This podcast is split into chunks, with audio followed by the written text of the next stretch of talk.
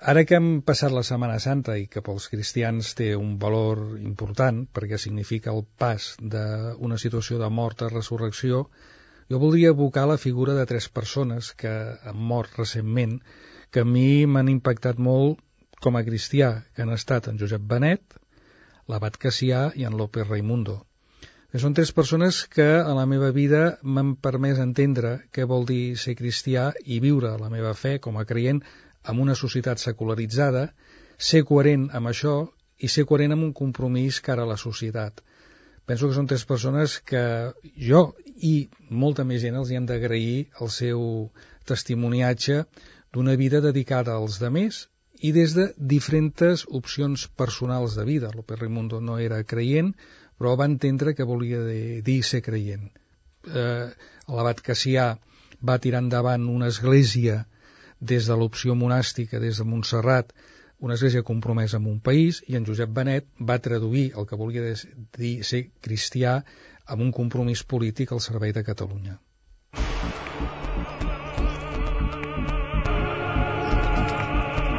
L'Hora de Plutó, amb Núria Ribot. Moltes vegades s'ha parlat de la desaparició de les religions. S'ha dit que anàvem cap a un món secular, sense déus ni creences religioses. Però no acaba de ser així ni tan sols a Occident, tot i que a Catalunya sembla que hi ha una tendència cap a la secularització. El 2006, per exemple, el 63% dels casaments van ser civils.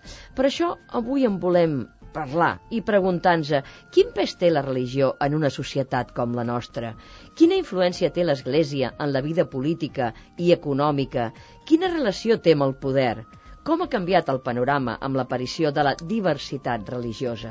I avui en volem parlar amb Jordi López Camps. És president de l'executiva del Patronat de la Muntanya de Montserrat i ha estat director d'Afers Religiosos de la Generalitat. Bona tarda, Jordi. Bona tarda. Molt benvingut. Què vol dir portar els afers religiosos d'un govern?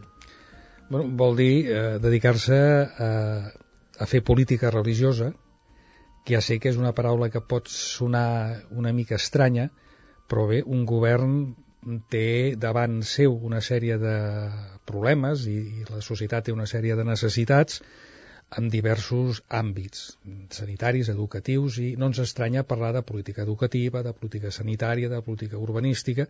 Doncs bé, de la mateixa manera que en la nostra societat hi ha un conjunt de persones que són creients, viuen la seva fe dintre d'unes esglésies, doncs és normal que el govern es plantegi l'encaix que té el fet religiós dintre de la societat i davant d'aquesta situació adopti una política pública concreta. El govern ha de governar i ha de governar intentant donar resposta a les demandes, inquietuds, necessitats, preocupacions que té la societat. Uh -huh. Però cada cop dient més que la, les creences religioses haurien d'estar dintre de l'àmbit individual, privat de les persones, no? No és una complicació la intervenció, aquest intervencionisme dels governs, en aquest cas de la Generalitat, seria? A veure, aquí eh, hi ha diverses observacions. Una, eh, sí que és cert que fins ara han cregut que la religió era una qüestió privada perquè ho contraposàvem amb l'espai públic. Deien públic-privat i amb això funcionàvem. I deien, després de molts anys que la religió ha tingut una presència molt important en l'àmbit públic, ara hem de passar la religió a l'àmbit privat. Bé, aquest és una mica el que havia estat el, tot el discurs de la il·lustració i que després ha donat eh, peu als moviments del laïcisme. Però jo penso que, que potser, ara, que ens, ens han fet com a societat una mica més grans, no? perquè han passat ja molts anys de la il·lustració i tenim nous fenòmens a la societat, potser més que aquesta contraposició públic-privat, la religió, més que en l'àmbit privat, és en l'àmbit personal. I això no exclou que pugui tenir una projecció pública. A més, és que eh, no podem negar les evidències. A la societat nostra està present la religió. És a dir, ara han viscut tota una Setmana Santa en la qual doncs, una part de la població ha viscut amb una manifestació pública les seves creences unes més profundes, les altres més tradicionals, però i, i a més a més a la societat amb tota la incorporació del, dels immigrants doncs la religió ha tornat a ocupar un espai en l'àmbit públic.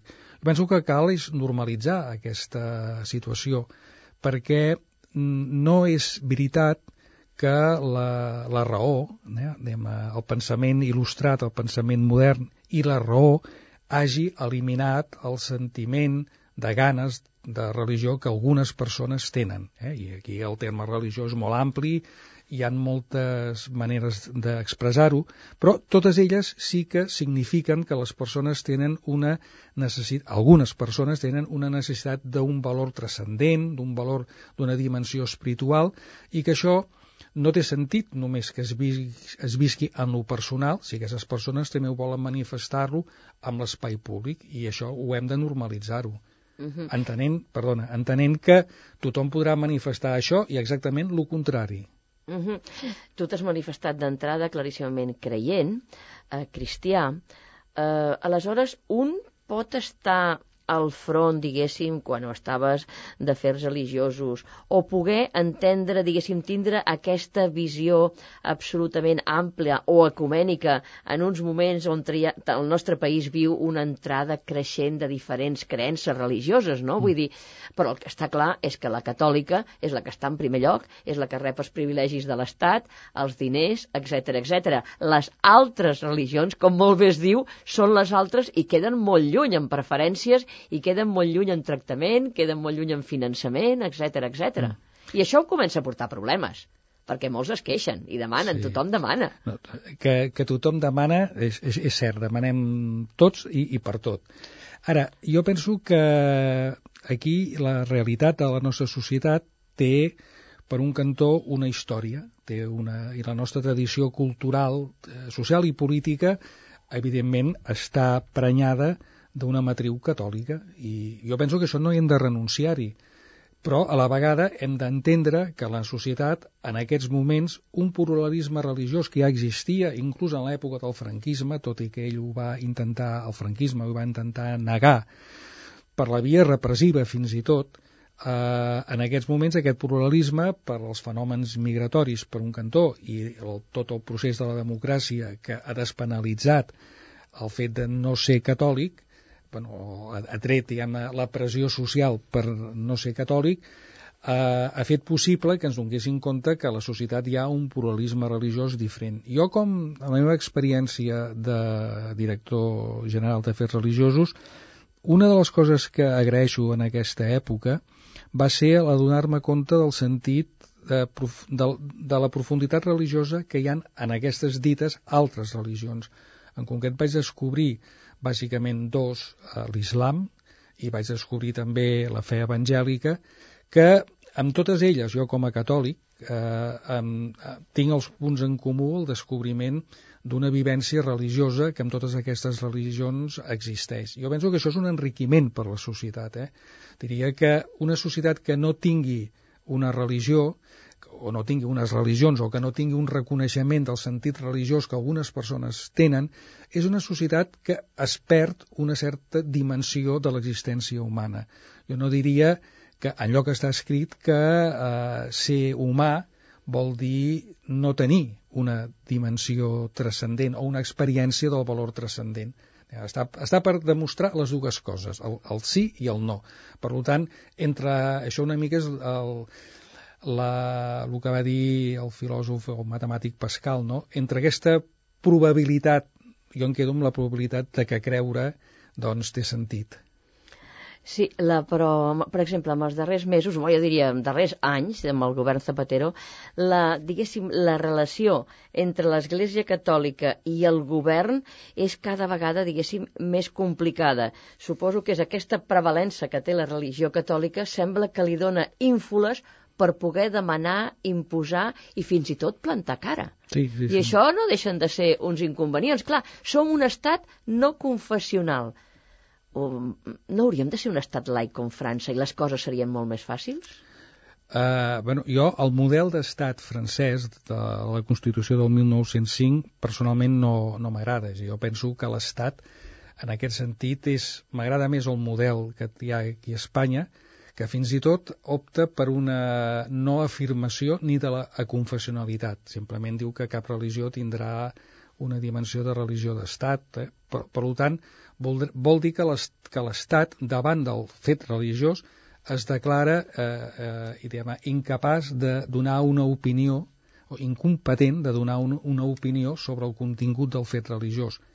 Que la contrapartida és que les religions també han de ser neutrals davant del que és de la, uh, la competència de la legitimitat de la democràcia. Penso que les regles de joc establertes són aquestes. A partir d'aquí, la laïcitat, que llavors tema, i com ens diem nosaltres? Llavors, amb l'ús vulgar i normal, diem, és un estat aconfessional, i fins i tot eh, a vegades s'ha fet servir la paraula laïcitat positiva, que és el que reconeix el Tribunal Constitucional i el Tribunal Suprem algunes sentències a l'hora d'haver dit, bueno, nosaltres què som? Què vol dir la laïcitat positiva? Vol dir que es respecta les creences i les increences que tenen les persones, que l'Estat davant d'aquest fet doncs és incompetent de dir, escolti, vostè creu en això o creu en l'altre i per tant nosaltres el respectem i li reconeixem, i això és important, el dret de tenir la seva creença i expressar-la públicament. Jo penso que aquí la diferència que hi ha amb un model francès que ho, ho, ho porta en el camp de lo privat, penso que el model espanyol el que fa és reconèixer que és positiu que en la societat el creient, sigui qualsevol, sigui la seva creença, ho pugui expressar-ho públicament i si li reconeix un valor positiu en aquesta expressió i en el possible enriquiment que això pot tenir a la societat. I és cert que avui si mirem tot el sistema social espanyol, gran part del model del benestar de la nostra societat es basa amb el compromís de moltes institucions religioses, amb temes educatius, sanitaris, amb el món de la immigració, amb... Fan una mica d'ONG, el que no fa l'Estat. Sí, bueno, però jo penso que aquest és un model que, que, que és un model general de l'estat del benestar nostre, és a dir, que fins fa uns quants anys pensàvem que l'Estat ho havia de fer absolutament tot, no? que l'Estat era el responsable, era el pare, la mare, era la gran família Estat, i havia... ara hem anat amb un model d'Estat que és molt més cooperador, amb la societat civil, en la qual l'Estat pot marcar les polítiques però que després són les organitzacions eh, civils, siguin ONGs, siguin entitats, siguin institucions, que assumeixen el seu protagonisme i la seva coincidència a través de la concertació amb les polítiques de l'Estat. I en aquest punt l'Església és un agent més i que penso que té un paper molt important. Jo, miri, eh, em va impressionar, fa molts anys, fa molts anys, fa molts anys, eh, quan es feia la festa de treball, per això abans uh -huh. jo he esmentat el Gregori López Raimundo, va venir un dirigent del Partit Comunista Italià, un dirigent important, i em va tocar doncs, acompanyar-lo i una mica fer el seu acolliment aquí, i ell, al saber que jo era catòlic, em va dir que amb ell li sorprenia el compromís que tenien unes monges, que no, ja no sé quines eren, que els diumenges anaven tots els diumenges als hospitals a acompanyar aquells malalts que ningú els anava a veure. I ell m'ho posava com un valor positiu de compromís, de proximitat a persones que estaven patint, com hi havia una motivació personal d'aquelles monges de fer aquest acompanyament. Clar, això pot semblar una expressió molt endolçada i molt mm. de caseta de sucre, però sí que és cert que al darrere de certs compromisos socials d'institucions religioses hi ha un compromís que neix d'una motivació interior. Jo penso que és aquest joc de donació als demés que tenen moltes institucions religioses que és un valor per la societat, és un valor que cal posar-lo com a valor modèlic a que altres persones ho puguin imitar, és a dir, ens s'entreguen, ens podem entregar als demés a partir d'una motivació interior. En aquest cas, eh, altres persones, per exemple, eh, López Raimundo, si ho contraposem amb l'abat Cassià, els dos feien el mateix compromís a partir de dues motivacions diferents. Un creia, un no creia en Déu, però jo penso que López Raimundo creia en moltes coses, i l'abat Cassià feia el seu compromís a partir d'una creença en Déu. Però els dos es trobaven amb un mateix camí. Jo recordo, eh, potser la gent que sigui ja de la nostra edat, la pel·lícula Roma Città Aperta, eh, que hi ha un diàleg que estan torturant un dirigent comunista en una habitació, el de la Gestapo, i en l'altra habitació hi ha un capellà que el feia l'Aldo Fabrizi, i li diu, i li diu el de la Gestapo, diu, escolti, diu, confessi que no, que no veu que aquest que hi ha a l'altra habitació és un comunista i aquest va contra Déu. I aleshores la resposta que fa l'Aldo Fabrici, que és meravellosa, diu, amb aquesta persona m'uneixen moltes més coses que en la nostra creença, sinó el compromís pels demés, i fa un discurs similar a aquest que jo li estava intentant expressar de similitud entre les motivacions últimes que tenen les persones. D'aquí que el fet religiós, amb aquesta dimensió més social de complement a l'Estat, en aquest moment és un valor actiu que té la nostra societat. Ara, al costat d'això, sí que hi ha alguns elements de l'Església, que, de l'Església Catòlica, que sembla que hagin entrat una política de xoc de trens. Uh Mhm. -huh. I que aquí jo penso que això no ajuda ni a l'Estat ni a l'Església Catòlica. I quin ha de ser el paper de l'Església? Perquè moltes vegades diuen d'això no han de parlar, no han de parlar de política, però no deixen de ser ciutadans, evidentment, Sí. amb una ascendència i amb una presència i un poder a la societat important. Aleshores, han de parlar, no han de parlar, s'han de pronunciar, però si recordem no fa massa eh, la, la carta de la conferència, aquest document de la Sí, conferència sí. episcopal era pràcticament dir no voteu al PSOE, amb el que deien. Era una cosa, una ingerència claríssima. Han de prendre aquest paper, l'Església? Han de ser un ciutadà normal i corrent que es pot pronunciar com qualsevol altra organització que pot dir no vull el vot o no demaneu el vot per aquesta gent? Jo recordo quan va sortir la nota de la comissió permanent de la conferència episcopal just abans de les eleccions, algunes persones van fer un comentari que a mi em va donar a pensar. Va dir, home, el, eh, els bisbes en el nostre país s'han acostumat que abans de cada elecció sempre diuen la seva. Potser això tenia sentit, tenia una intervenció orientativa del que en llenguatge més cristià seria el discerniment, és a dir, donar criteris perquè els cristians orientin el seu vot. Uh, potser això podia haver tingut sentit al començament de la democràcia, en, en la qual tots anàvem una mica desorientats a vegades a l'hora d'articular les nostres opcions polítiques. Però bé, ara que estem en una societat democràticament madura i consolidada, probablement potser l'Església hauria d'optar per una actitud més de, de callar.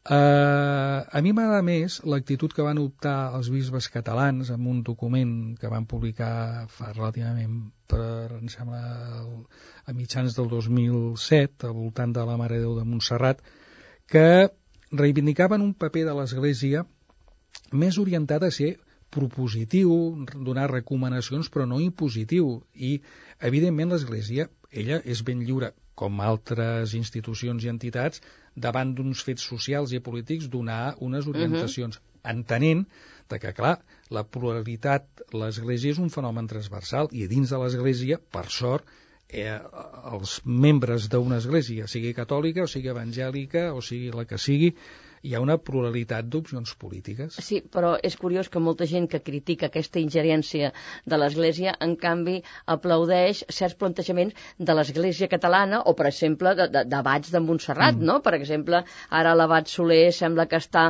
mediant amb el Vaticà per parar les agressions de la COPE, etc etc, o, o, o el paper sobre inclús sobre el terrorisme d'una certa tendència a afavorir el diàleg, etc. Quan et diuen això sí que ens agrada, en canvi altres coses no ens agraden, és la mateixa gent que critica la ingerència, dius, o ho critiques per una cosa o ho critiques per l'altra. Sí, certament, a mi, algunes de les coses eh, que diuen a, els bisbes, fins i tot amb, amb la nota, eh, a veure, la, la nota de la permanent que treuen els bisbes espanyols és simplement un recull d'una nota anterior que havien, tres, que havien tret el novembre del 2006 que es deia nota sobre l'orientació moral a la societat espanyola, un, algo similar, que, bueno, hi havia punts que, si més no, et donaven a pensar. I aleshores jo penso que tampoc hem de... Jo estaria d'acord amb, amb aquesta observació que feies de... Home, hi han coses que, mm, que sí, hi han coses que podem discrepar, hi han altres coses que podem retenir. És a dir, de cop i volta negar... Per exemple, la nota dels bisbes de la permanent, que, torno a repetir, és extractes d'una nota anterior, fan un plantejament sobre el nacionalisme que no està gens malament. És a dir, reconeixen fins i tot la possibilitat de, com a bo, aquells nacionalismes que a través d'uns mecanismes democràtics, l'expressió no és ben bé aquesta, puguin arribar a modificar la composició de l'Estat.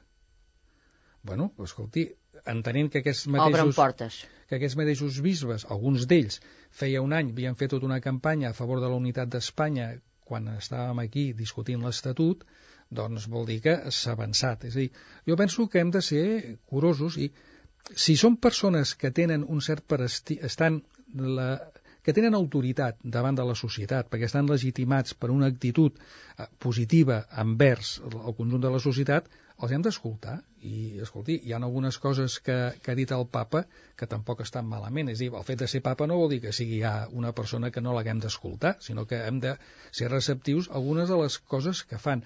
A vegades pots coincidir amb, amb la seva diagnosi, que fa de la realitat i potser no pots coincidir amb les propostes de superació d'aquesta diagnosi. Doncs bé, seguirem aquesta conversa entorn a la religió, la seva, el seu paper a la societat actual i també la relació amb el poder, la relació amb els governs.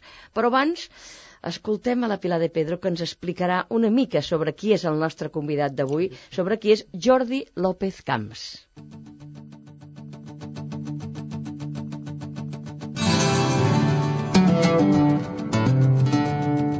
Jordi López Cans és un home amb dues passions, la religió i la ciència.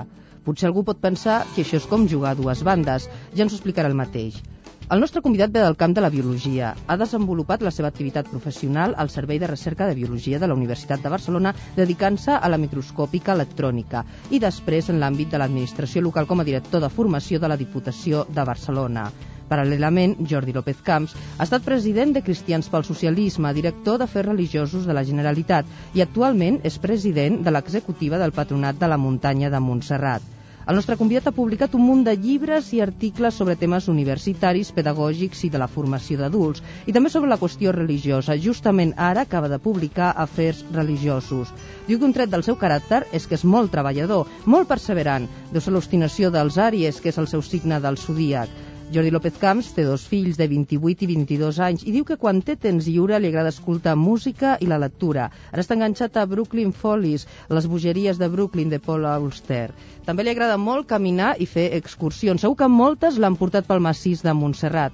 El nostre convidat diu que encara hi ha un munt de secrets per descobrir a Montserrat, com el conjunt de Sant Joan, dues ermites construïdes a començaments de l'any 1000 que es trobaven amagades per la vegetació i per altres edificacions com el Berenador de Sant Joan. Ara s'estan recuperant per incorporar-les a la ruta de les ermites, un circuit que el nostre convidat ens recomana molt per caminar. Segur que més d'un de l'equip de l'Hora de Plutó ja s'hi està animant. Jordi, quin és el pes actual, diguéssim, de les, de les creences religioses, jo diria, a Occident? Està perdent pes? Perquè quan van veient estudis, enquestes, sobretot de Catalunya, l'altre dia en llegia una que deia Catalunya cada cop es secularitza més. Parlava del nombre, el creixent nombre de matrimonis mm. civils, 60 i pico per cent, eh, diguéssim, de cerimònies civils, de batejos cerimònies civils, etc etc, de la baixada del nombre de vocacions. Vull dir, mm, què està passant? Uh, uh, L'altre dia li van fer una pregunta similar a l'abat Soler en una conferència que va fer al Palace i ell va dir, home, això és veritat, diu, però a Montserrat tenim més vocacions. És a dir, probablement... El però que... una flor fa estiu com no, Montserrat? Uh, no, però amb altres uh, ordres religioses alguna cosa similar està passant. Jo penso que el que està canviant és l'expressió, és a dir, està perdent pes el, les formes clàssiques i tradicionals d'institucionalització de la religió i està adquirint una nova manifestació religiosa. Per exemple, baixen els batejos, els matrimonis, eh, però clar, també eh, les estadístiques, no sé si... Eh, jo la recordo que va sortir-se la setmana passada, o fa 15 dies, el que no sé també si han baixat la, el número de casaments civils i no de les unions, és a dir, l'estadística m'ha a veure quanta gent està ajuntada uh -huh. i, i no formalitzat ni amb una unió civil, un matrimoni civil, la seva unió. És a dir, probablement es trobem a, a, a, a, a la religió i a fora d'ella una transformació dels mecanismes d'institucionalització de tot. De tal manera que avui la religió s'expressa de formes a vegades molt singulars i molt noves. Per exemple, sí que és cert que baixen els matrimonis, els batejos, les comunions, les confirmacions i tots els mecanismes tradicionals i augmenta el nombre de persones que van als santuaris, que van a les basíliques, que van a les manifestacions més populars de la religió. Potser el que hi ha és un descentrament del mecanisme tradicional d'expressió de la religió. Jo penso que és un fenomen que hi estem ficats, eh? i que això no vol dir que la societat s'estigui secularitzant més. Probablement també el que s'està canviant és la manera de secularització de la societat. Els polítics cada cop més parlen de religió, si no, mirem el, tota la campanya electoral de Sarkozy i els discursos de Sarkozy que fa després a Sant Joan de Laterà, que fa després a Riat i que fa després davant del eh, Consell Jueu de França, eh, és una irrupció en la França laica i secular d'un president que torna a recuperar el discurs religiós en la matriu del discurs polític. Les campanyes electorals estan plenes de simbologia religiosa. Mm, seguim la campanya, jo perquè m'interessa, segueixo la campanya de la Obama i Clinton, uh -huh. no? el fet religiós... Bueno, però estem parlant d'un país on la religió forma part de, de, de, de l'essència, eh? vull dir, als Estats Units es parla del 90% té creences religioses, més o menys profundes, però el que seria impensable és un, un candidat ateu. No arribaria mai a la presidència dels Estats Units. Això diuen els experts religiosos. Yeah. Tot i que està baixant també l'afiliació religiosa als Estats Units. Em sembla que també llegir una estadística que hi ha una davallada, però jo que intento expressar és que potser s'està transformant els mecanismes d'expressió tradicionals i apareixen nous mecanismes que es manifesten o que manifesten que el que no es perd és la necessitat d'expressió religiosa d'algunes persones. Uh -huh. eh, no I Catalunya es diu que és una de les regions més seculars d'Europa. Vull dir, hem tingut presidents que, evidentment, manifestament creients, que ho han dit com el president Pujol, per exemple, que ho, ho ha deixat claríssim, altres que, que no ho han estat tant. El president Montilla, en quin àmbit com el situaríem? Jo... Perquè a vegades ha fet fins i tot discursos parlant de les arrels també eh, religioses de Catalunya. Sí, hi ha un discurs que a mi em va agradar molt, que va fer el president Montilla just abans de Setmana Santa, a la celebració dels 40 aniversaris de la mm. Facultat de Teologia, que el va fer davant del Nunci i davant del cardenal arquebisbe de Barcelona, on va reivindicar el paper de la religió, el sentit de la dimensió de la tradició cristiana catòlica a, a Catalunya i animant a la gent a no perdre aquesta dimensió religiosa. I jo puc dir-li que el president amb aquest tema, pel que conec, és una persona no només respectuosa, eh, i, sinó que a nivell personal doncs, no es manifesta contrari a tenir unes creences religioses i doncs, va pujar, i recordo doncs, potser pot ser una metàfora d'aquest element, doncs la pregària compartida que van fer el cardenal i ell davant del fèretre de l'abat Cassià, és a dir, que és una persona que, que reconeix que sense ser un practicant no es declara un anti-religiós, més aviat jo diria que en el seu interior deu haver-hi un, un, un sentiment religiós. Uh -huh. Quan es va al començament de, de, de l'elaboració de la Constitució Europea, de la primera Constitució Europea, es va posar molt, um, haver-hi una certa polèmica sobre la inclusió o no de les arrels, diguéssim, religioses d'Europa, etc etc. no? I cristianes. Cristianes, perdó. La discussió les, de cristianes. cristianes les, les arrels cristianes, amb un text d'aquestes característiques s'ha de parlar d'una qüestió d'aquesta mena? No hauria d'estar al marge? El, jo recordo que el president Pujol ho defensava. Això. Sí, sí, el president Pujol, més, vaig llegir ara fa poc, però, per exemple, el, el president Barroso, amb unes intervencions de fa més o menys un any, va, va començar a parlar de, de la necessitat de recuperar una ànima per a Europa. Aleshores, a l'hora de parlar d'una ànima per a Europa, que algú d'això similar havia parlat amb Gorbachev, també fa molt més de temps, ens hauríem de preguntar quines són les tradicions. Llavors, dir no parlar, aleshores també vol dir negar alguna que sembla que és bastant innegable, és a dir, que a la tradició cultural d'Europa la, la religió ha tingut un pes. Dintre d'aquestes religions doncs hi ha la cristiana. Dintre d'aquestes religions cristianes hi ha la protestant i hi ha la catòlica. I en un cantó també que és una part d'Europa, i a més a més ara hi ha una part d'Europa que està picant la porta, que és Turquia. Que està dintre, que, pràcticament. Que té una importància... Aleshores, la manera, jo penso que és la manera com dir-ho. O sigui, més aviat hem de fer-ho d'una manera inclusiva, en el sentit de reconèixer les aportacions positives i fins i tot alertar-nos de que mai el fet religiós hagi de ser un motiu de divisió i d'enfrontament, com abans això ha passat. Sí, però dit això, un text d'aquestes característiques, que és la Carta Magna d'Europa, dels drets i deures, diguéssim, dels ciutadans, no? una guia en aquest sentit, uh, ha de tenir en compte això, les arrels cristianes de, dit, del continent? Dit d'aquesta manera, probablement no però cal trobar una fórmula que ens permeti expressar aquesta pluralitat de sentiments religiosos que té la realitat europea. És a dir, no dir-ho, per mi, m'incomodaria molt. Dir-ho d'una manera que pugui semblar una o imposició o exclusió també m'incomodaria molt. Jo penso que cal trobar una fórmula que ens permeti reconèixer algú que és obvi, és a dir, la, la literatura, la, la primera eh, edició de la impremta és la Bíblia, és a dir, serà un fet cultural, és innegable, però, clar, la religió forma part de la cultura. La religió s'expressa a través d'una expressió cultural i a la vegada eh, fermenta aquesta expressió cultural. Aleshores, pensar que la cultura europea s'ha fet al marge de... Eh, miri, ara tornem, hem passat Setmana Santa i hem pogut escoltar les passions de, de Bach o les lamentacions de Tomàs Luis de Victòria o els improperis de Palestina. Aleshores, res d'això es podia haver fet, o la nostra pintura barroca es podia haver fet sense la presència d'una matriu eh, cristiana. No, no negar-ho, o sigui, negar-ho, penso que ens perdem pel camí una part important de la nostra tradició. Jordi, escolteu una mica de música. Has escollit els Beatles, The Fool in the Field. Per què?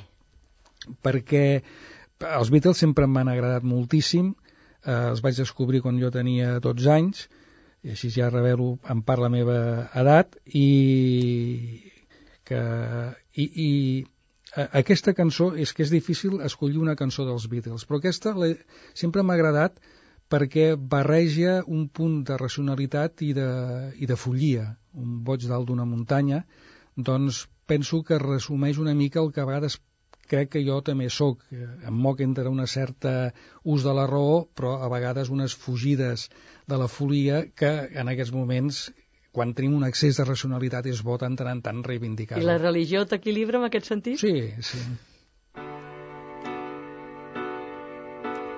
Day after day Alone on a hill. The man with the foolish grin is keeping perfectly still. But nobody wants to know him. They can see that he's just a fool. and he never gives an answer, but the fool on the hill sees the sun going down, and the eyes in his head see the world spinning round. Well on the way, head in a cloud, the man of a thousand voices talking perfectly loud. But nobody ever hears him or the sound he appears to make. He never seems to notice but the fool on the hill sees the sun going down and the eyes in his head see the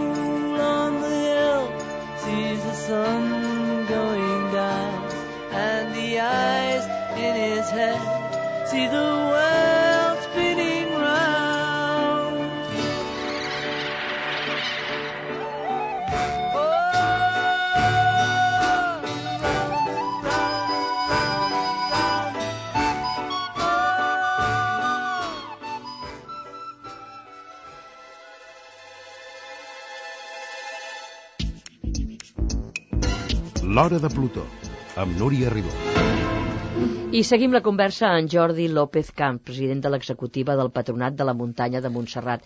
I estem parlant de la religió, del paper de la religió a la societat i també la seva relació amb el poder polític.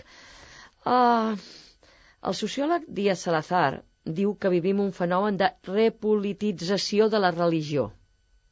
Què en penses d'això? Home, jo penso, a mi m'agrada molt el que diu el Rafa, eh, ara hem, hem anat traient una trilogia de llibres sobre la laïcitat i la, la religió. Clar, la, qualsevol cosa de la dimensió humana té una dimensió política, a la mesura de que afecta les relacions que tenen les persones. Aleshores, jo penso que la religió té una component, sempre tindrà una component política a la mesura que fa propostes també a la societat i, per tant, doncs aquestes propostes és unes són propostes que es projecten en el camp de les decisions polítiques i que a l'hora de prendre decisions, doncs els decisors polítics doncs, clar, no, no les prenen en abstracte i en el buit, sinó els prenen en funció de les sensibilitats que hi ha a la societat i una de les sensibilitats que existeixen a la societat són les sensibilitats que poden manifestar les diferents tradicions religioses. Uh -huh. Tenint en compte que Rocco Varela ha estat escollit president de la conferència episcopal, jo no sé si el futur, diguéssim, eh, en els propers temps eh, es pinta gaire fàcil pel govern i per les relacions. Vull dir, si fins ara les coses han estat complicades, les topades han existit, amb totes les lleis que ha anat fent el govern socialista, amb Rocco Varela al, al front sembla que les coses no pinten fàcils. Uh, jo amb això sóc optimista. Jo, jo penso, jo faré, faré una lectura personal que comparteixo amb altres persones sobre el sentit d'aquesta elecció. Rocco va, necessitar, va treure a les anteriors eleccions 51 vots. En aquest cop només n'ha té 39. I la permanent i, i la conferència episcopal eh, els dos candidats que hi havia, que era Rouco i el bisbe Ricardo Blázquez, un treu 39 i un treu 37. Vol dir que la majoria que donava suport al cardenal Rouco ara fa 3 anys s'ha afeblit i ha quedat una conferència episcopal pràcticament el 50% en un cantó i un 50% per un altre. Això què vol dir? Doncs, Però home, qui mana, mana. però, no, però, Per això són les eleccions. Sí, però el tema de la conferència episcopal és que és més col·legial. Llavors la col·legialitat pesa molt, hi han uns mecanismes compensadors de la, diguem, que el president no pot actuar per si sol, llavors hi ha una comissió executiva, que una comissió executiva que està molt equilibrada, després una permanent que està també equilibrada i un plenari que estan equilibrats. I llavors és en aquest joc que jo penso que cal ser veure, almenys jo albiro una esperança de que aquesta situació farà, farà que el cardenal Rouco no actuarà de tal manera que pugui trencar la col·legialitat de la conferència episcopal, perquè portar una, un, una conferència episcopal dividida és paralitzar la conferència episcopal. Uh, per què s'ha ha molestat tant la, la, la signatura d'Educació per la Ciutadania? Bueno, perquè jo diria que una part de l'episcopat, bueno, ha molestat a una part de l'episcopat. Jo diria que, per exemple, aquí a Catalunya la situació és extraordinària. És dir, no hi ha... Sí, però Catalunya sempre és diferent no de la resta, molta i en aquest sentit, no? Sí, eh, bueno, però, però- hi ha hagut moltes impugnacions, inclús a llocs, a escoles, on evidentment no, no s'impartirà. Ja, ja, ja han guanyat Ah, aquí- recursos. Sí, hi ha hagut les sentències del Tribunal Superior de Mhm. Justícia d'Andalusia. Eh, ha molestat amb un sector de l'episcopat i, i després també ha estat eh, utilitzat per un sector de la societat política per fer política d'oposició al govern en aquest tema. I el tema és, bueno, perquè hi ha una part de l'episcopat que acusa el govern Zapatero d'atemptar contra els que ells consideren que són els valors naturals de la societat. Llavors tot el que sigui apartar-se un mil·límetre d'aquests valors que són dits valors naturals i que d'alguna manera sembla que l'Església siguin els únics interpretadors d'aquests valors naturals i per tant el que no coincideix amb la moral de l'Església sembla que estigui ja fora del valor natural, entra en conflicte i aquest sector de l'Església ha propiciat aquest enfrontament. Però, bueno, és un tema que no... Per exemple, cal veure com la Federació de, de, religi de les Escoles Religioses, la FERE, doncs ha, ha fet possible que s'implantés l'educació per a la ciutadania sense dificultats en els col·legis religiosos. I miri, eh, jo ahir estava parlant i tenia una reunió amb Carmen Pellicer, que és la persona que ha fet un dels llibres que més problemes a, a, amb els bisbes els hi ha comportat, és una senyora que és teòloga, que és una mare de família amb quatre fills, una persona encantadora i, i que és profundament catòlica. Per tant, eh, a darrere d'aquest posicionament d'alguns bisbes jo penso que hi ha també un posicionament polític i, i, i han fet d'aquesta assignatura un motiu de confrontació com amb altres temes i aquestes posicions més radicals, jo diria més... no fa que fomenti un cert anticlericalisme, que és el que està creixent. Sí, Vull dir, sí, quan sí. aquestes posicions de l'Església amb aquest tema com per l'educació per la ciutadania o els posicionaments de la conferència episcopal respecte a certes lleis, etc etc, fa que hi hagi una ràbia a la societat, Sí, una, sí. una rebotada, per dir-ho així. Sí, sí, jo penso que la- l'expressió de, de gent emprenyada Eh, eh, es manifestarà tant a dins de l'Església, però bàsicament a fora de la societat, que la gent davant d'una església que l'únic interès que sembla que tingui d'un sector de l'església és mantenir una posició de privilegi en la societat, de domini, de control, de manipulació, que genera una reacció en contra que li pot provocar que aquesta reacció en contra negui doncs, la, els acords d'Església-Estat, el finançament de l'Església, en fi, una sèrie de coses sectors de la societat que a la vegada són respectuosos quan descobreixen que hi ha una, una església que és missionera, que és entregada, que es fa obres socials, que està al costat de la gent més desfavorida, que ha fet una opció pels pobres, és a dir, això no ho qüestionen. O, o que sí que qüestionaran serà una imatge d'una església com un poder que intenta negociar amb altres poders unes posicions de privilegi, evidentment, i això qui ho ha de donar-se compte, jo penso que ja s'ha donat compte i ha vist que mantenir una església amb una posició d'enfrontament constant amb un govern, al final el que recull són tem tempestats. tot i que Zapatero eh, sembla que ha deixat clar que amb aquest, amb aquest segon mandat, diguéssim, no serà gens tou de cara a l'Església que vol deixar les coses ben clares, sembla que les posicions d'un cert privilegi continuaran amb l'Església Catòlica. I parlant del finançament, tot i que evidentment té tota aquesta part que podríem dir missionera, d'ajut, d'educativa, eh, sanitària, fins i tot, etc etc. clar, mm, molta gent no deixa de veure quan mires altres esglésies als Estats Units que un, si és d'aquella església, s'ho paga. És a dir, dona diners per aquella església que vol. És impensable que des del govern central se li puguin donar diners a una església. Bueno, ara, amb la modificació del, de l'acord de finançament, ben bé ja no és així, ja no hi ha un finançament via pressupostària, hi ha un...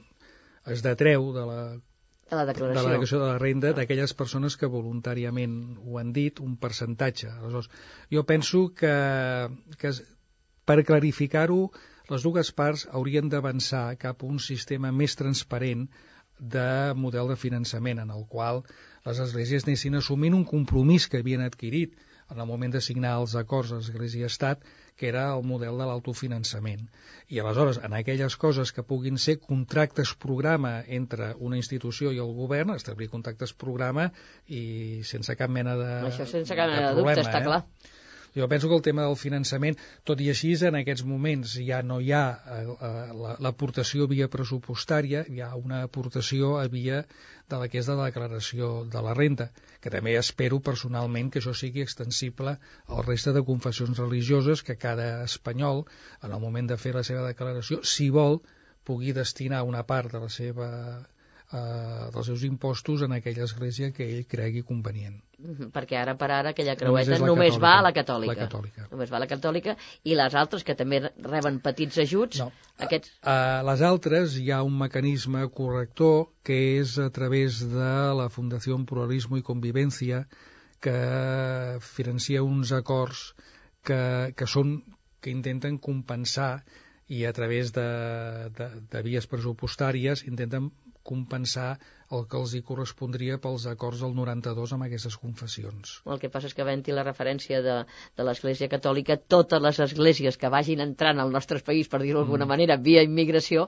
evidentment van tenint uns drets i poden, Sí, per sí, la sí. mateixa regla de tres, Mm. demanar el mateix que demanen els altres. Jo penso que el que cal és, són polítiques no discriminatòries, per tant, el que adoptem, encara que ens equivoquem, si ens equivoquem, ens equivoquem per igual per tots, i sobretot molta transparència i control. És a dir, els diners, en el cas que hi hagués diners públics en, per entremig, han de ser controlats i fiscalitzats. Més música, que el temps se'ns va acabant. Has escollit Omar Farouk, Fly Away. Fes-me'n 5 cèntims.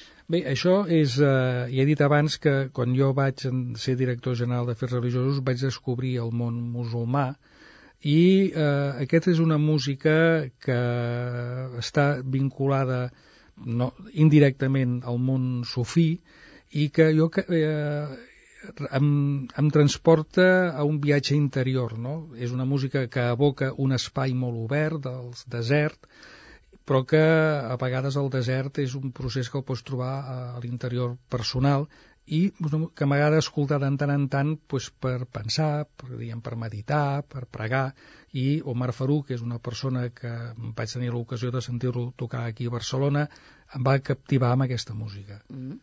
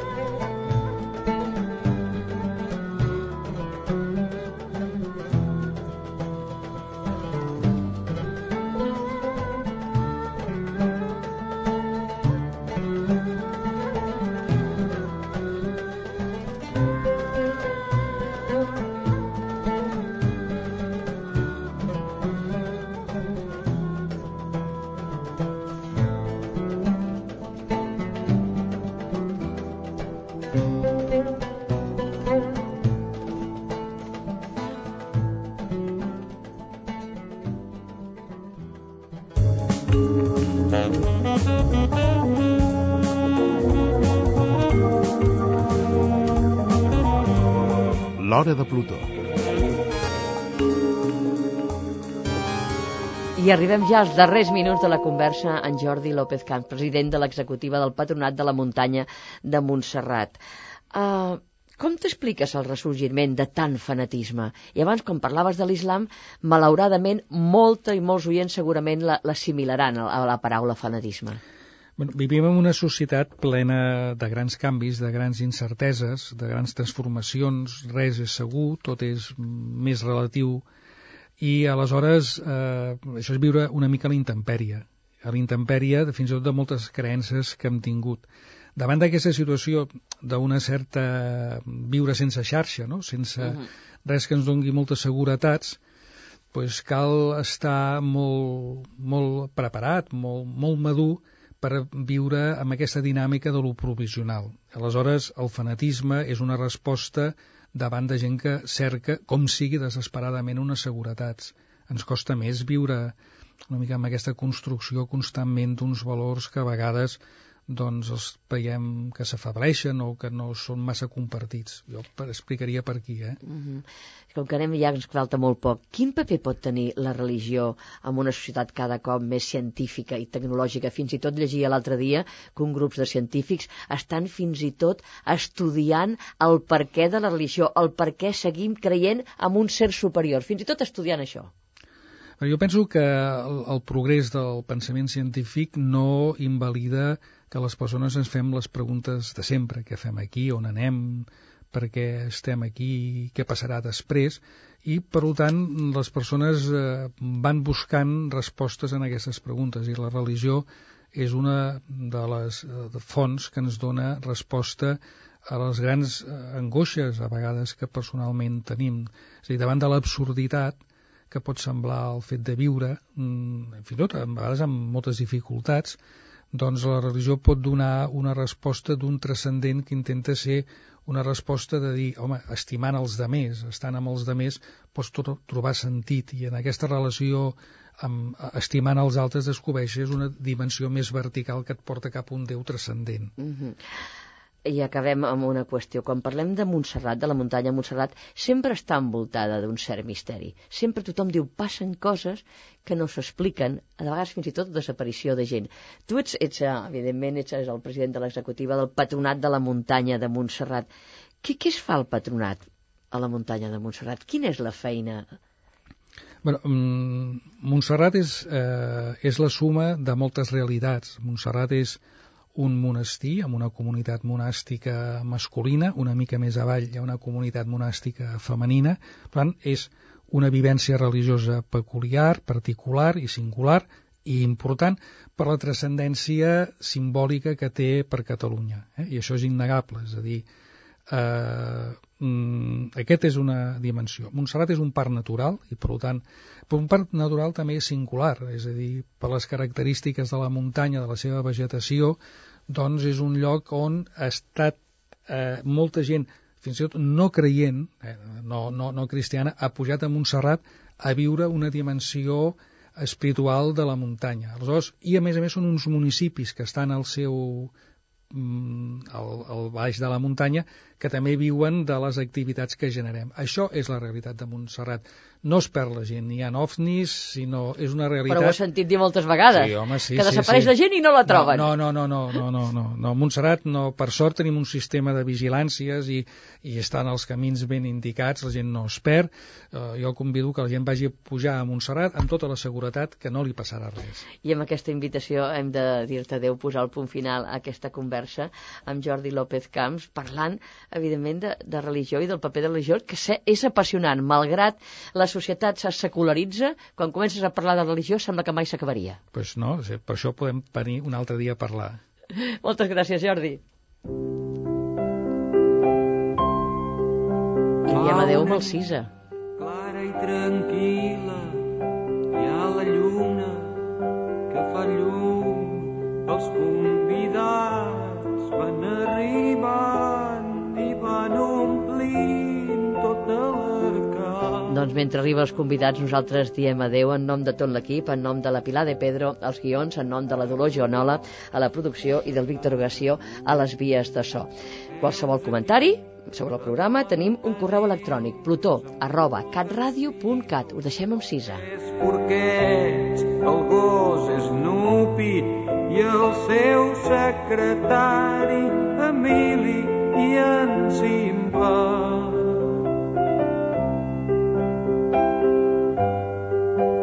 L'Alibaba i en Bullivera. Oh, benvinguts, passeu, passeu, de les tristors en farem fum. A casa meva és casa vostra, si és que hi ha cases d'algú.